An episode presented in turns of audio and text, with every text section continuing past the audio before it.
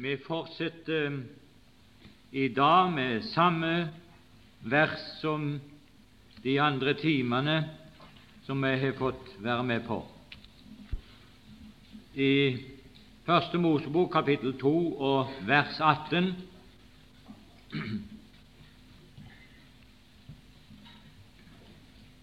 Og i dag skal vi lese sammenhengen uten at jeg kommer til å tale noe uh, særskilt om den. Det er bare ett uttrykk som jeg føler for å stanse litt med i dag. Og Gud Herren sa, det er ikke godt at mennesket er alene. Jeg vil gjøre ham en medhjelp som er hans like. Og Gud Herren hadde dannet av jorden alle dyr på marken og alle fugler under himmelen, og han ledet dem til mennesket for å se hva han ville kalle dem. Og som mennesket kalte hver levende skapning, så skulle den hete. Så ga mennesket navn til alt fe og fuglene under himmelen og alle dyr, men for mennesket fant han ingen medhjelp som var hans like. Da lot Gud Herren en dyp søvn falle på mennesket, og mens han sov, tok han et av hans ribben og fylte igjen med kjøtt. Og Gud Herren bygget av det ribben han hadde tatt av mennesket, en kvinne, og ledet henne til mennesket. Da sa mennesket, dette er endelig ben av mine ben og kjøtt av mitt kjøtt hun skal kalles manninde, for av mannen er hun tatt. Derfor skal mannen forlate sin far og sin mor og bli hos sin hustru, og de skal være ett kjød. Kjære Herre Jesus, vi vil igjen takke deg for denne nye dagen du har gitt oss. Og takk for dette veldige privilegiet som vi får del i dag for dag, og kan høre dette livgivende, veldige ord, mens det er millioner som aldri vet hvem Jesus er. Det er hundrevis av tusen som ikke kjenner det fulle evangeliet. Og her får vi lov til å sitte dag etter dag og suge inn av denne livskraften. Herre, nå er det vår bønn at Din hellige ånd må få gjøre ordet levende for oss også i dag. Herre, jeg ber deg om det. Vi er fullstendig avhengig av Din ånd. Selv om vi har levd med Gud i mange år. Derfor ber vi om det La din ånd få gjøre sannheten levende, slik, Herre, at din hensikt også med denne time blir oppnådd, så vil det ha bære frukt i evigheten.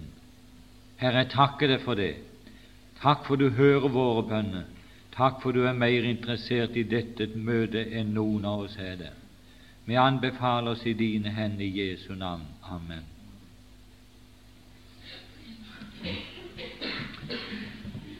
Ja, det er sant at når jeg igjen leser dette avsnittet her, så skjønner jeg at vi kommer på langt nær ikke gjennom det. Her er, her er så ufattelige rikdommer Eh, så at eh, vi skjønner jo det. Jeg vet ikke om Bjerkreim og Aurebekk føler på det, men jeg føler på det for min del, at vi bare så vidt rører med sannheten. Bare så vidt vi rører med sannhetene. en føler det at du beveger deg litt på overflaten, mens det ligger et hav under bokstaven. Men jeg, jeg, kan ikke nevne noe av det. Bare si det på den måten at den, det som jeg hadde i går her og talte om, at uh, Gud sa 'Jeg vil gjøre ham en medhjelp', så er det. Det forklares ned igjennom fra vers 21, så forklares nettopp det at Gud gjorde ham en medhjelp, og på hvilken måte han gjorde det. Det var han skal bare ta det ganske kort resumé. Det var han som måtte la Adam falle i søvn, et bilde på Kristi død. Og mens han sov, som er altså et bilde på Jesu død, og mens han sov, tok han ut et ribb.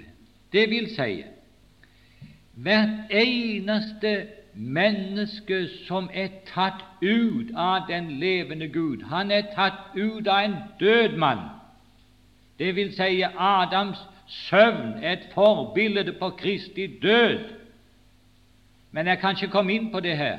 Her er så mange som vil prøve å finne livet og bli tatt ut på andre måter. Gud han har bare én måte å gjøre et menneske levende på. Det er gjennom Jesu død. Og Det andre er at det var han som tok, eh, det var han som tok ribbenet ut. Det var han, det var Faderen, som tok det ut. Og Det leste vi litt om i går. Det kan du lese litt om, eller lese videre om i Apostlenes gjerning, kapittel 15. Han tok ut et folk av hedninger for sitt navn, osv. Han tok ut. Det var han som tok ut. Et direkte inngrep, individuelt. Og det er godt å tenke på det. Gud han tok en dag Arne ut av den store, åpenbare verden. Han tok meg ut, han tok en dag deg ut, og du får sannhet. Og så etterpå det så bygget han, når han hadde tatt ut ribbenet, så bygget han en kvinne. Det er det han holder på med i dag. Det er det han holder på med her. Det er det han holder på med alle veier eh, evangeliet forkynnes. Gud er i ferd med å bygge, men det er Gud som bygger. Og Det er godt å vite. Og det er noe av det vi skal komme inn på her i dag. Han bygget av det ribben, eh, ikke akkurat det uttrykket, men i forbindelse med det. Og når han hadde bygget eh, ei kvinne av det av dette ribbenet, så, så ledet han henne til mennesket. Jeg skal, eh, hvis det får til, og ikke det kolliderer for mye med de andre, så kommer jeg til å si litt om han, eh, de to uttrykkene der. Hans like. I dag skal jeg si litt om medhjelpen. Og om Gud gir nåde til de andre timene, så kommer jeg til å si litt om at denne kvinna er hans like og det tredje at han ledet henne til mennesket. Men altså nå Det uttrykket som vi skulle stanse litt med i dag, det var medhjelpen. Og der kan du sette romertall tre.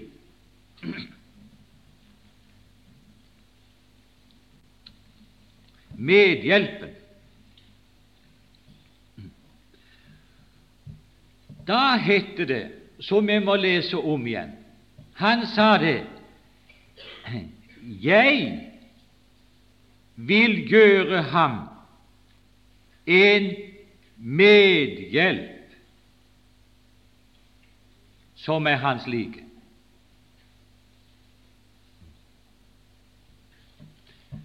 Menigheten er to oppgaver.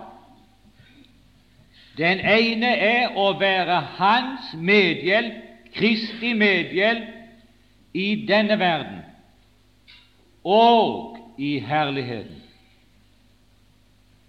I her her skal vi være hans medhjelp som medarbeidere, som venner, som tjenere, som redskap osv. Så sånn. Der i herligheten skal vi være hans medhjelp, ikke som tjenere. Det er det talt om i Åpenbaringen 7, om de som er frelst i den store trengsel. De skal tjene ham dag og natt i hans tempel. Men den store, utellelige skaren, det er ikke menigheten. Det kan ikke være det. Eh, for, og, og, heller ikke passe det med hensyn til vår stilling i herligheten, for der skal vi ikke tjene ham, men vi skal regjere sammen med ham. Og det er en, en veldig stor forskjell på å være en tjener i et hus og være hustruen i et hjem, ikke sant? Der er det jo veldig forskjell. Selv om hustruen tjener mannen, så er det stor forskjell på hennes tjeneste og tjenerens stilling. Og Det er altså forskjellen mellom disse to skarene som du eh, leser der. Men det er ikke det vi skal se, litt, grann, se på i dag, men det var det uttrykket om medhjelpen her i denne verden. Og eh, Det er sant at i dag gikk jeg på talerstolen som regel så skjelver vi når vi går opp her. I dag gikk jeg Jeg gleda meg til at jeg skulle opp og preke. Ja, det er sant. Fordi at her, jeg vet at det er mennesker i denne salen her som trenger nettopp det budskapet som jeg tror Gud har gitt meg. Medhjelpen. La oss da først spørre hvem gjelder det? Hvem er hans medhjelp? Hvem er Kristi medhjelp? Det kom jo fram her at det var kvinnen. Men la oss eh, ta for oss et skriftsted, 1. Peter 4,10. Vi har lest det før på et møte her oppe, men vi må ha, ha det med igjen for å få litt mer av innholdet med oss. Der ser vi hvem det gjelder. Og hvis du vil eh, bruke og skrive noe, så kan du skrive A. Først har du et ett-tall, medhjelpen. Så skriver du A. Hvem gjelder det? Og så 1. Peter 4,10.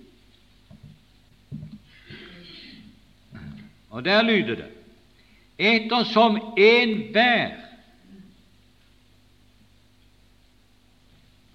har fått en nådegave, så tjen hverandre med den som gode husholdere over Guds mangehånde nåde. Ja, det hadde Peter fått se noe. Det er det aldri tvil om, selv om ikke han så det som Paulus så, som vi hørte tale om i går av Aurebekk. Så har Peter fått se noe her. Han har fått se hver eneste troende, gjenfødte kristne, er har fått en nådegave av Herren for å tjene de andre med den. Men den tjeneste er en husholdning som den enkelte har fått for å husholde her i denne verden over Guds mangehånde nåde. Altså, jeg tror ikke du skal komme unna det uttrykket så sant du er et Guds barn, så gjelder det deg, min venn. Altså, du har fått en nådegave av Herren, enhver, for å tjene Og legg merke til det der sto. Ikke Gud med den, sto det her.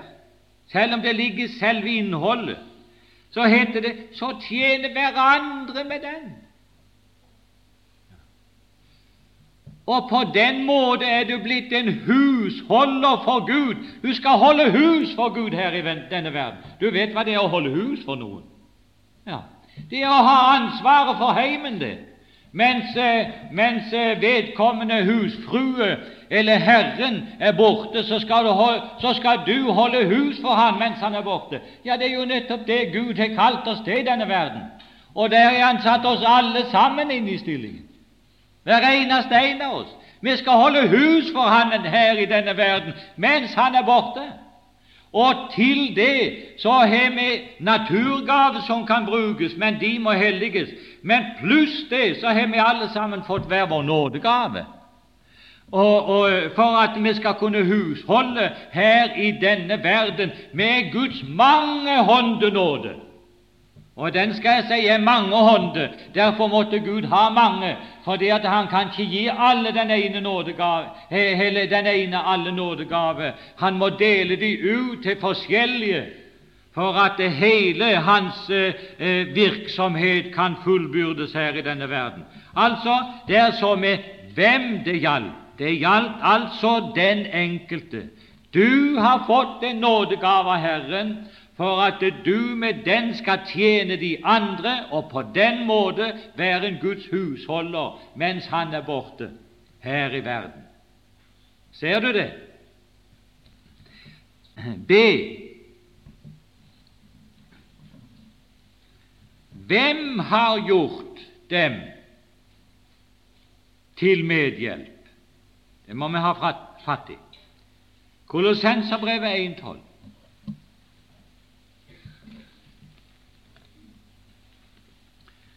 Og Jeg kan bare peke på at Kolossenserbrevet det taler om Faderen. Så hvis du vil ha greie på Faderen og Faderens gjerning, så les Kolossenserbrevet. For hele veien så taler det om Faderen. Og der heter det i vers 12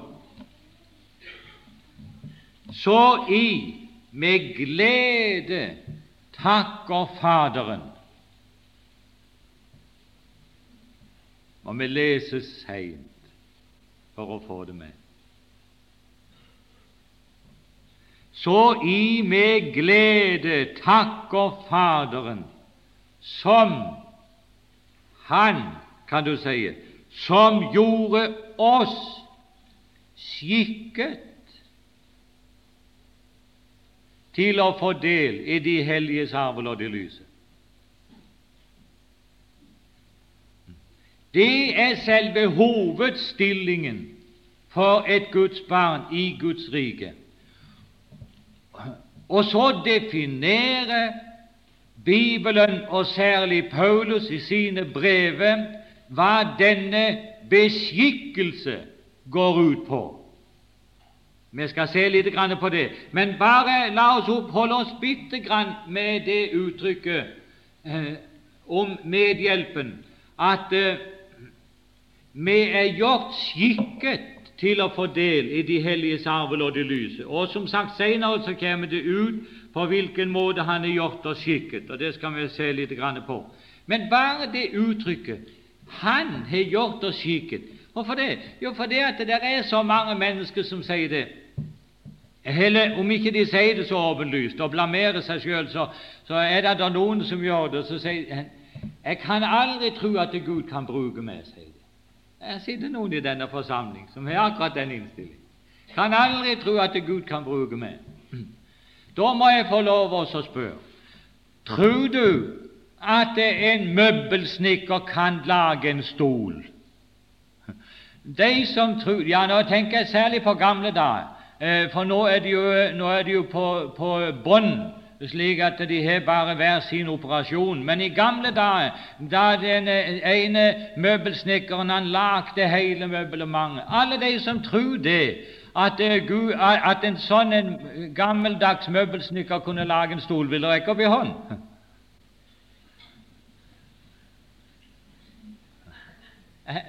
Det er, der er, noen fra Vågsbygda som, som, ikke tror dette her. Og de rekker ikke opp hånda.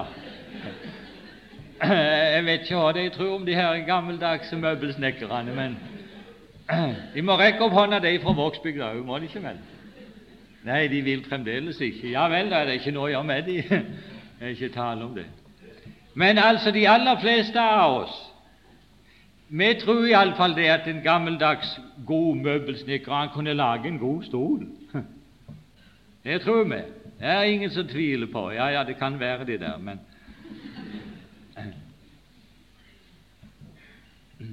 Men når det gjelder Gud det er han kanskje bruker med.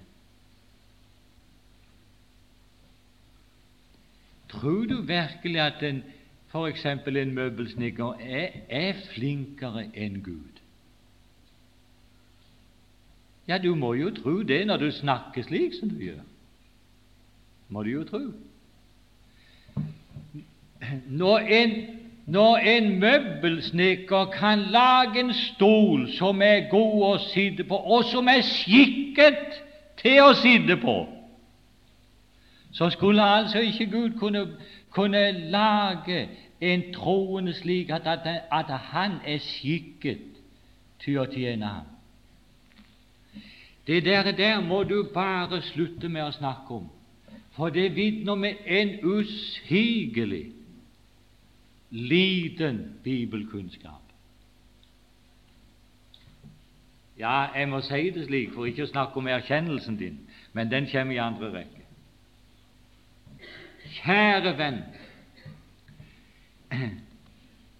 hvem er det som har gjort deg skikket til å bli et, av hans barn og bli brukt av ham?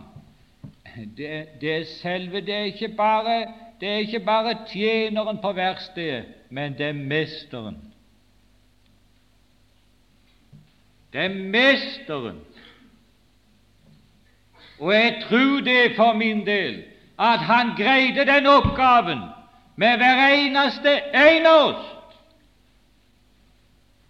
Det er ikke én som er gjort uskikket til å bli brukt av Gud. Ikke én.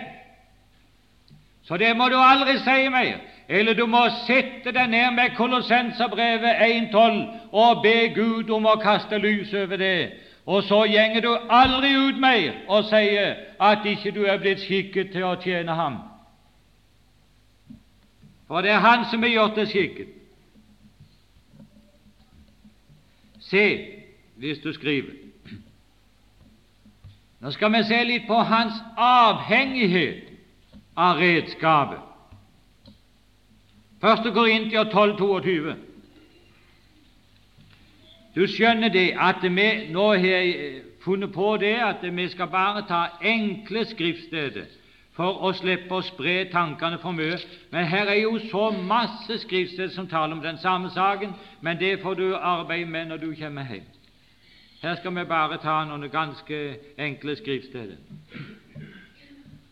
Og det Her sitter folk iblant oss her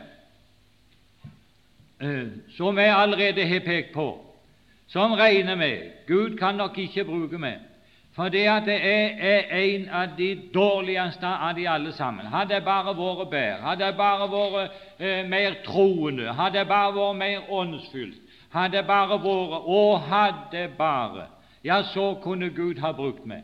Men nå skal vi se litt på din stilling overfor ham, hvem du er. Og Da skal vi bare lese vers 22 i 1. Korintia brev 12.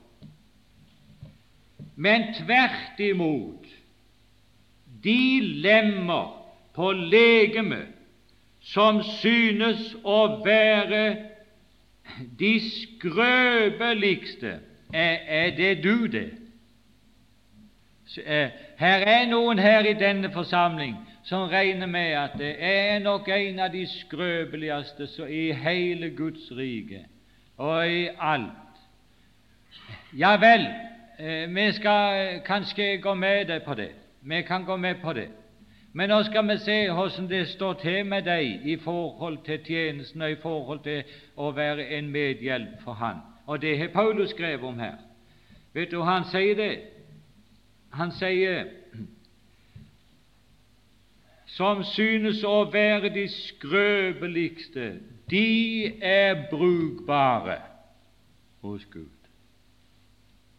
Men nå smilte Jess og rista på hodet. Jeg er for min del brukbar, ja, det visst bare så vidt. Hva er det, hva er det Paulus åpenbarer for oss her? Og du store tid.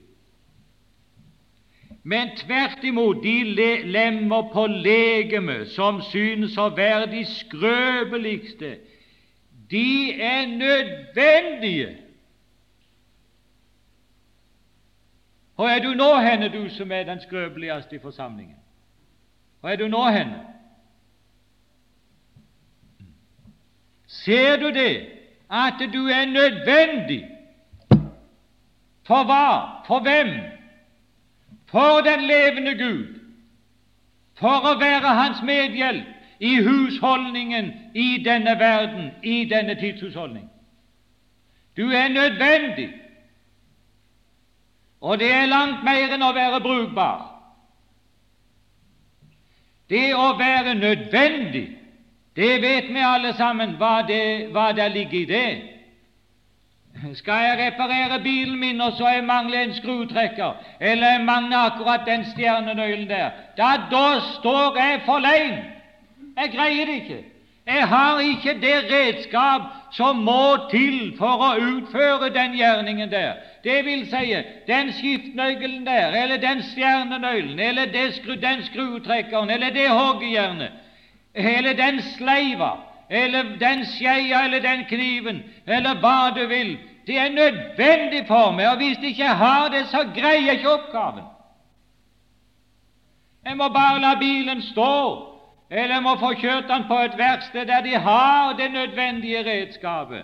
Og så sier Gud det og til og med om den mest skrøpelige, eller den som synes å være den skrøpeligste. Legg merke til det uttrykket der. Det står ikke at det er den skrøpeligste, men den som synes. Han synes det sjøl, mens andre kanskje synes at nei, du har feil, det er meg som er den skrøpeligste. Den som synes å være den skrøpeligste, det er helt på bunnen, det. Du er nødvendig for den levende Gud.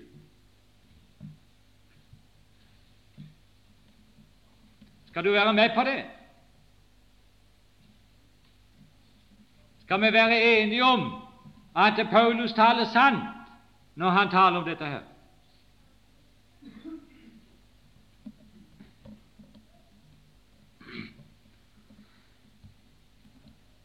Og eh, jeg hadde lyst til nå bare bare peke på en veldig tanke, som jeg sa her forleden. Jeg, jeg, jeg kan ikke komme ned igjennom her, bare liksom føle på at uh, du uh, beveger deg på overflaten. Men eh, ta for deg igjen i denne forbindelse kapittel 11 i 1. Korintiabrev og vers 12.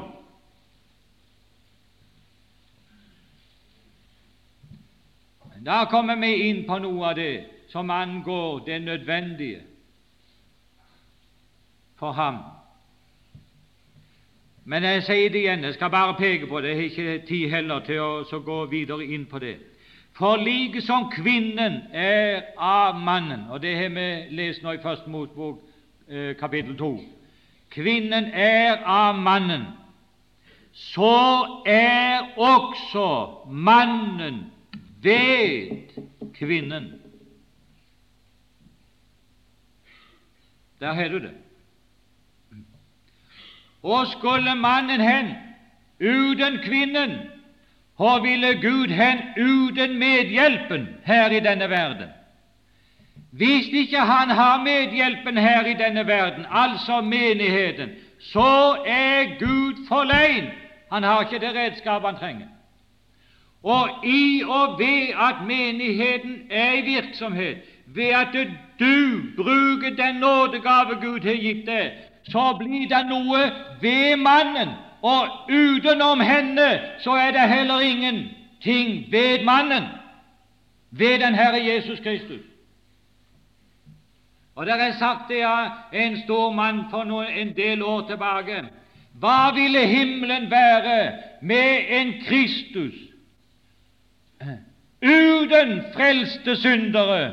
Det ville være en vanære for hele himmelen og for hele Guds skaperverk. En Kristus i himmelen med et gjenløst frelsesverk, men alene. Det ville være en vanære for Gud.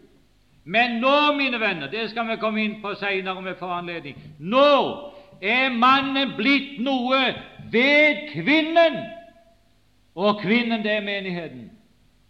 Det er kvinnen som gjør at mannen blir noe, den Herre Jesus blir noe i evigheten lang, og bare ved henne.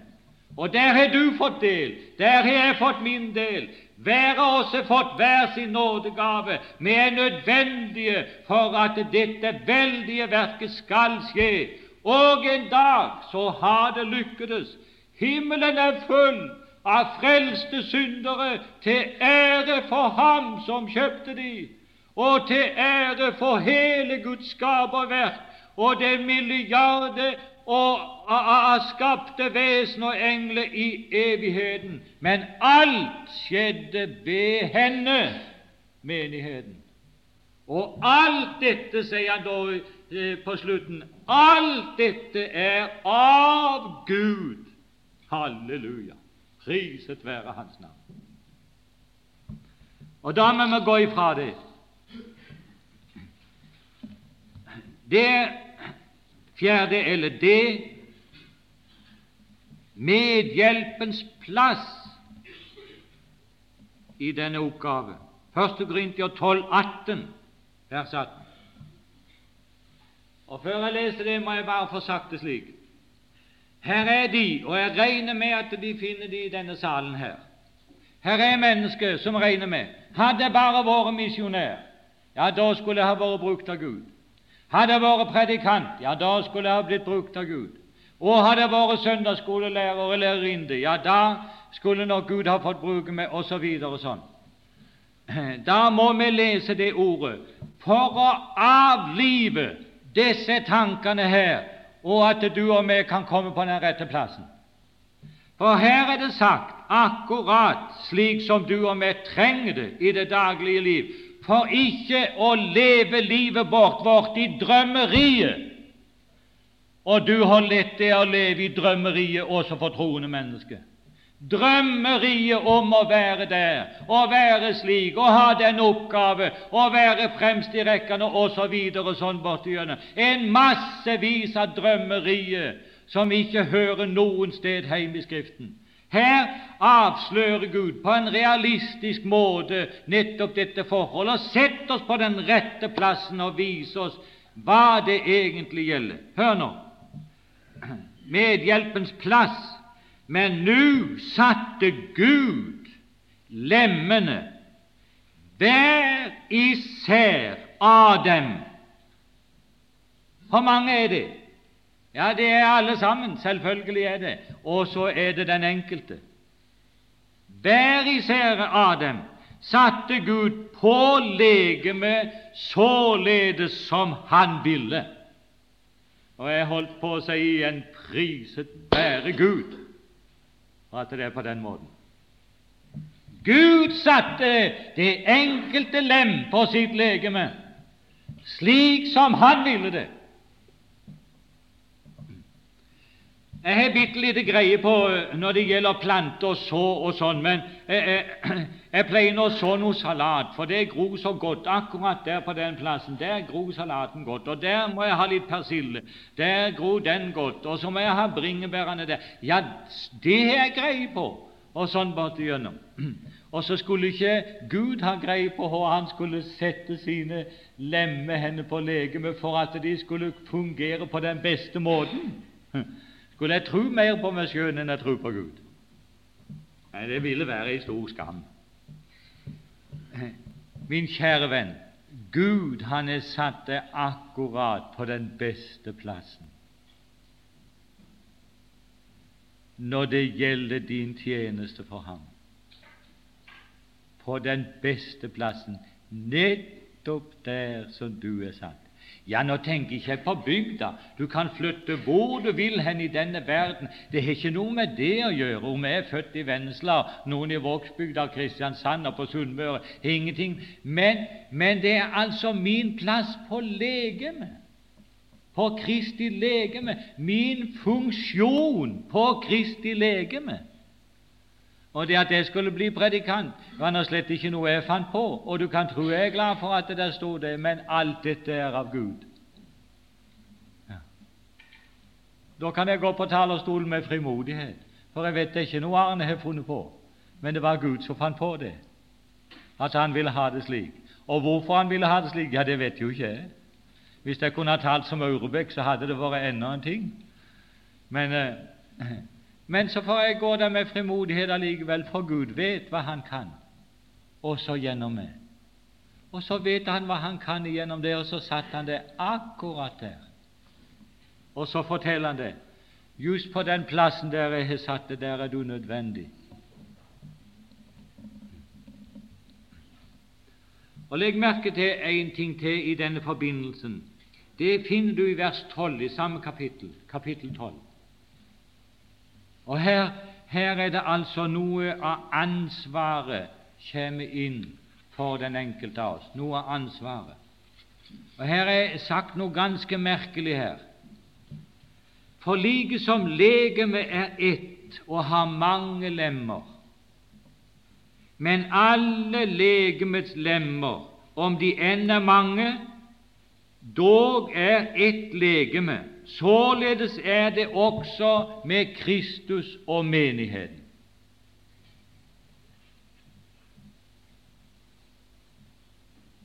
Han snodig så tause folk her at ikke de protesterer. Kan ikke begripe det. Nei, skjønner de ikke. Ja, men det er jo sånn vi, sånn tenker oss i sin alminnelighet, er det ikke vel? Kristus og menigheten, det er hans legeme. Kristus er hovedet, og menigheten er legeme. Men her står ikke det her. Tenk, her står det her. For like som legemet er ett og har mange lemmer, men alle legemets lemmer, om de enn er mange, dog er ett legeme, således er det også med Kristus. Altså ikke Kristus og menigheten, men Kristus. Det vil si, her på talerstolen i dag, her i salen i dag, så sitter det mange som er Kristi lemme.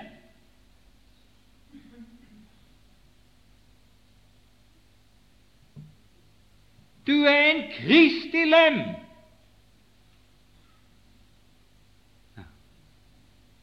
Og det er noe helt annet det enn å være et medlem av menigheten. Det vil si, du ser det fra en helt annen side. Eh, du er et medlem av menigheten, ja vel, du er et medlem av den universelle menighet, det er du. Men hør at du er en Kristi lem. Det er ikke sikkert du har tenkt på det, og du får et ansvar som det blir. Ikke sant? En Kristi lem.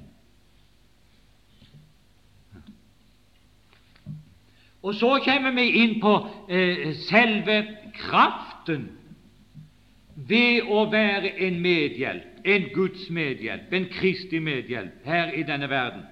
Og eh, dermed så tror jeg at eh, jeg skal stoppe for denne gangen.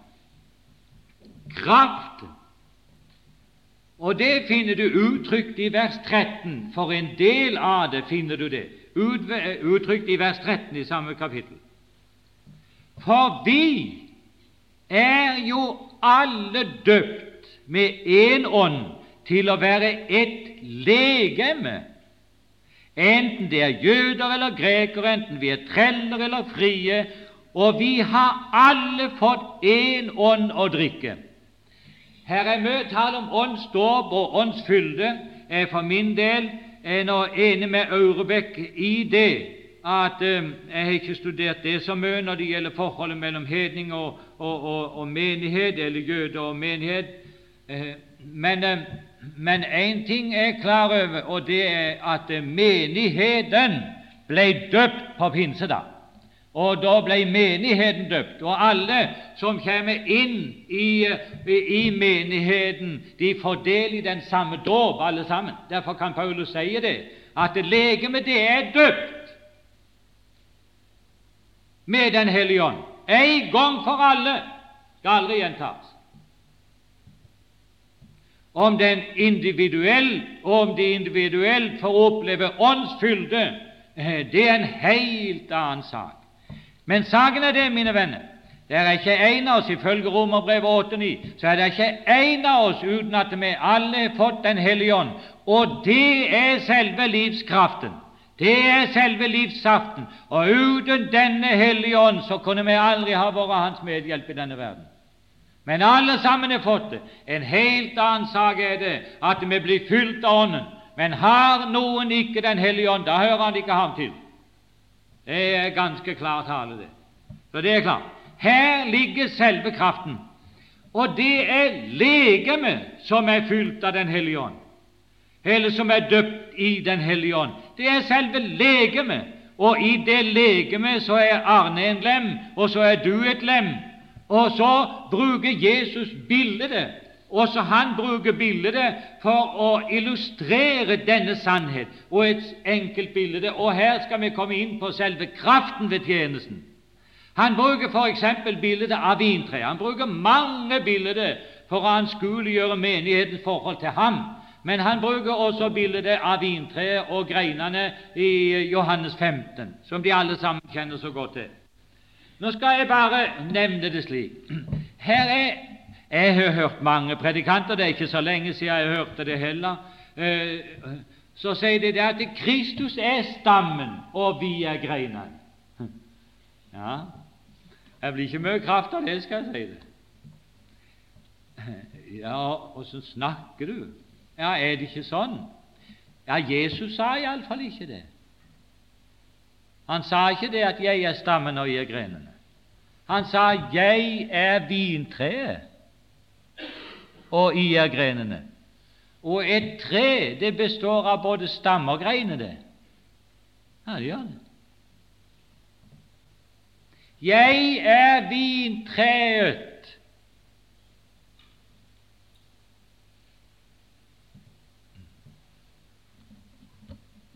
Og I er grenene. Jeg er vintre Ja, det er hele treet, det. Så i all verden kan dette rime? Ja, er det ikke han som er stammen? Jo visst er det det. Men jeg er mer, sier han, er greinene òg. Hør nå. Slå opp, eh, slå opp Galaterne 22, så, finner, så tror jeg du finner eh, forklaringen på dette her. her.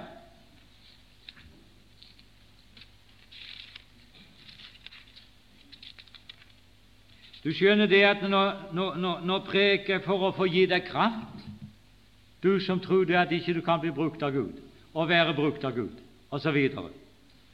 Det er for å komme deg til hjelp at vi må ha fatt i disse ordene her. Galaterne 22. Der sier Paulus, 'Jeg er korsfestet med Kristus'. Jeg lever ikke lenger selv, Det vil si, han har gitt Gud sin vilje. Jeg har ikke selvbestemmelsesrett over mitt liv lenger. Jeg lever ikke lenger selv, men Kristus lever i meg.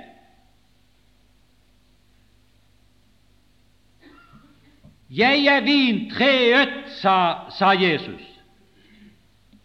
Og Efeserbrevet forteller meg det, at han fyller alt i alle. I hver eneste lita grein så er det Kristus som er fylden. Han er gitt slik av Gud for å fylle alt i alle. Og Derfor kunne Paulus si det. Jeg lever ikke lenger selv, men Kristus lever i meg. Og så er det noen som Å, jeg har hørt det sjøl, og jeg har sjøl vært inne på de tankene der eh, kanskje fra en litt annen side. Og jeg tenkte å, om jeg kunne nå så langt som Paulus, og så sier det at Kristus lever i meg. Ja, men kjære de, det er jo det han gjør! Det var ikke bare Paulus som kunne si det, at Kristus lever i meg, for det gjør han i oss alle sammen. Kristus lever i deg, min kjære venn, om du er den skrøpeligste, den minste grein av de alle sammen. Og på grunn av det at Kristus lever i deg, så bærer du frukt, enten du ser det eller ei. For hvis du ikke bar frukt, så ble du skåren av og kasta ut.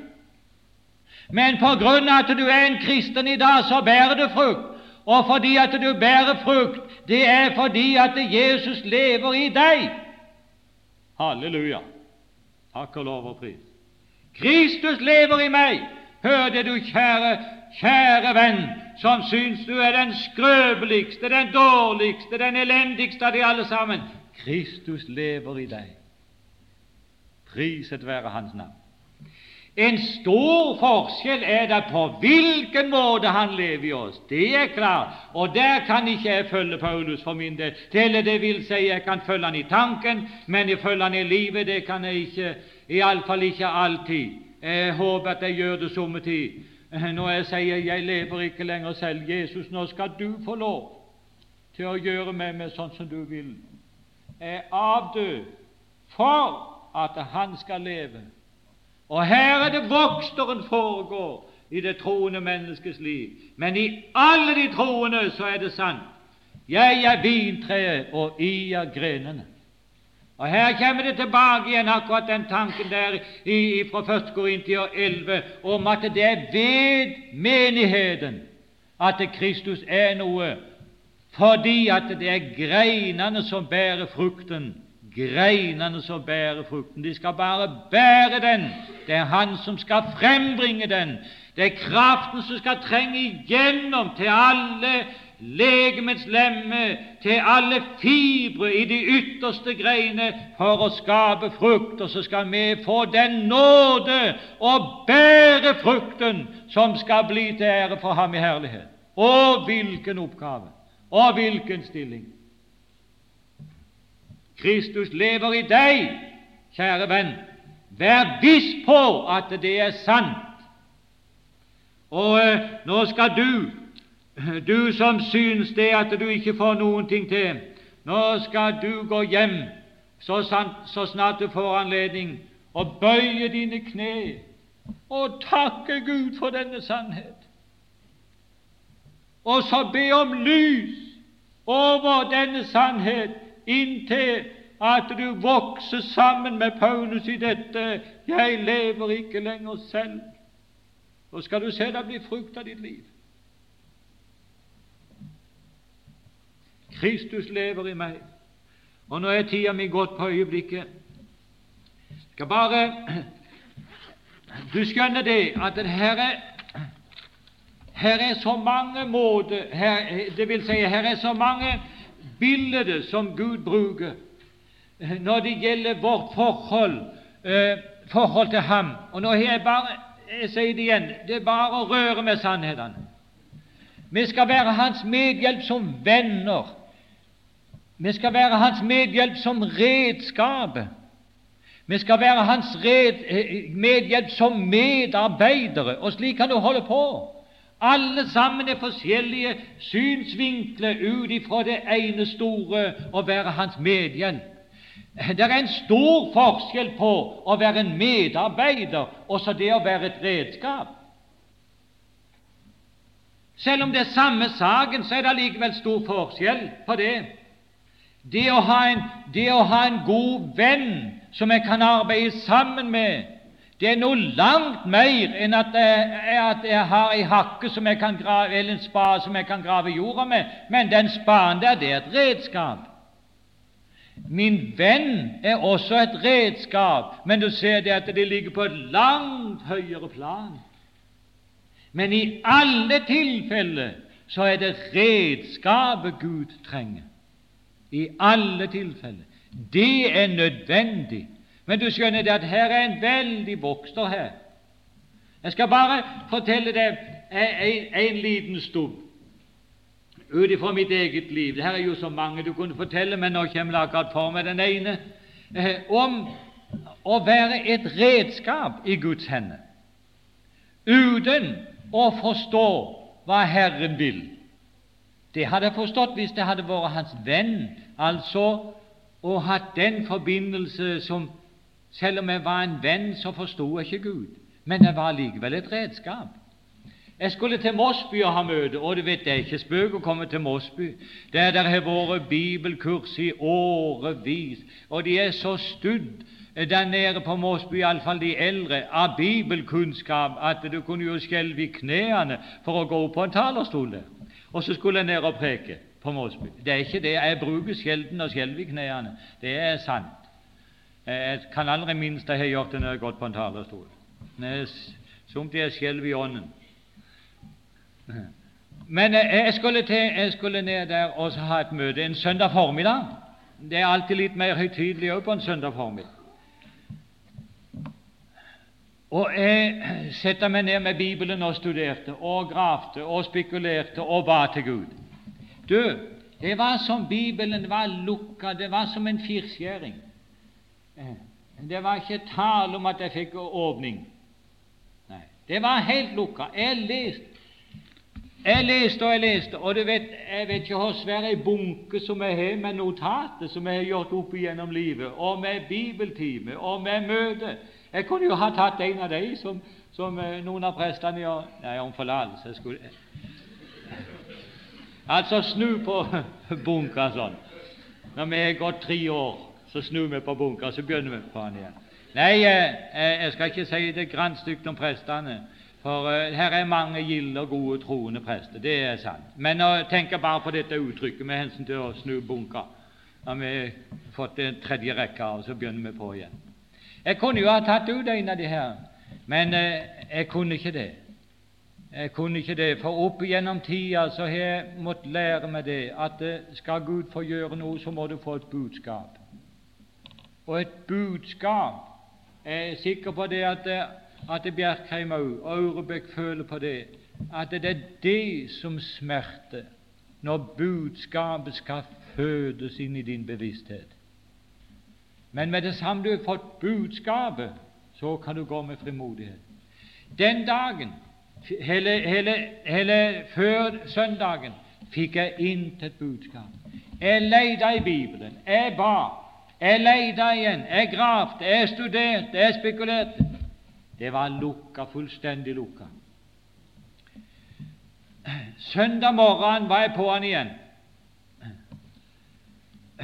og like lukka var det. Så ble jeg nødt til å ta Bibelen med meg og gå på bussen. Jeg hadde ikke bil da, så jeg måtte gå på bussen og kjøre til Mosby. Men du kan tro det var ikke med lett hjerte. Det var ikke med lett hjerte. Heldigvis på bussen så traff jeg en god, gammel venn av meg, en pinsevenn.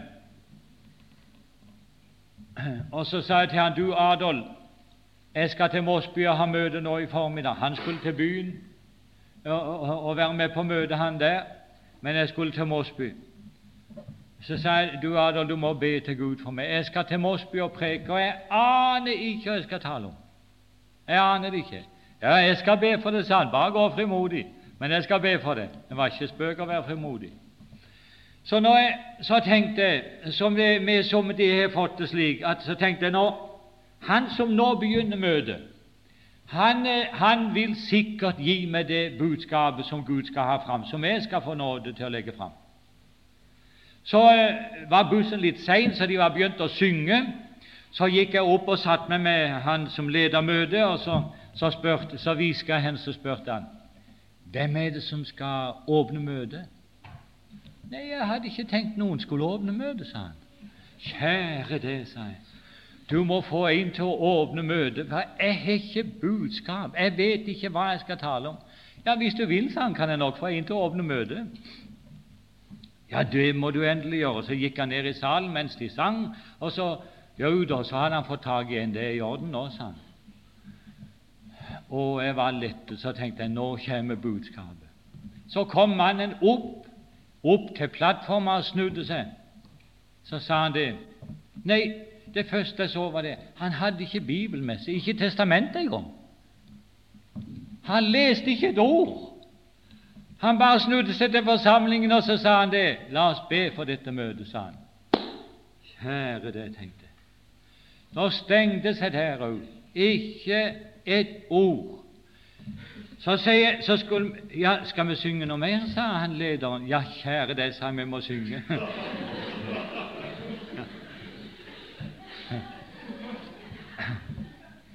Så sa det så sa Du skjønner det, sa jeg. Vet ikke hva jeg skal preke om, sa jeg til ham. Så sa han det. Å, det er langt til talerstolen. Og jeg satt med det ene beinet opp på plattforma så det var bare to steg, det, så var jeg på talerstolen. Så ble vi ferdig med den sangen òg, og jeg gikk opp på talerstolen. Så sa jeg det til forsamlingen. Jeg tror det er første gang i mitt liv, sa jeg, at jeg har begynt å tale, eller at jeg skulle ha et møte, og så begynt å tale uten å åpne Bibelen. Men saken er det, sa jeg, jeg vet ikke hva jeg skal lese her. Jeg vet ikke det. Og så bare begynte jeg på den måten. Og litt etter hvert så kom det noen ord som jeg måtte lese og preke om. Og Jeg vet ikke om jeg var ferdig med det møtet. Jeg var ferdig med å preke så vidt. Jeg tror aldri jeg hadde innbudt folk til å gjøre noen ting. Og før jeg var, at vi var ferdig med dette møtet, så var det fire kvinner i den salen som reiste seg og sa å, de må be for meg. Og be for meg. Og hør, min venn, vær ikke redd for å gå opp når en spør deg om å begynne møtet, selv om du ingenting har. Har han spurt deg, så skal han selv sørge for budskapet, og kanskje et budskap som du aldri hadde tenkt på, men som han hadde bruk for. Du kan gå frimodig, min kjære venn. Kjære Herre Jesus. Herre, vil du lære oss litt det litt mer og litt bedre å kjenne vi skulle være dine venner, men vi er ofte, Herre, vi forstår, vi forstår det så lite. Herre, vi skulle være dine medarbeidere, men vi er ofte bare et uforståelig redskap. Men Herre, jeg takker deg for det. Jeg takker deg for at om ikke du får tak i vår ånd, så har du iallfall tak i vårt legeme. Herre, prise ditt navn for det. Og så får du bruke oss. Herre, nå ber jeg deg for de som sitter her i denne forsamling og synes fremdeles at de er de skrøpeligste. Jeg ber særskilt for deg, Herre, at de må finne fram til disse ordene, og så få se hva du har gjort med dem, og hva du vil gjøre igjennom dem, slik at ditt navn en dag kan herliggjøres også gjennom deres liv og mitt liv. Amen.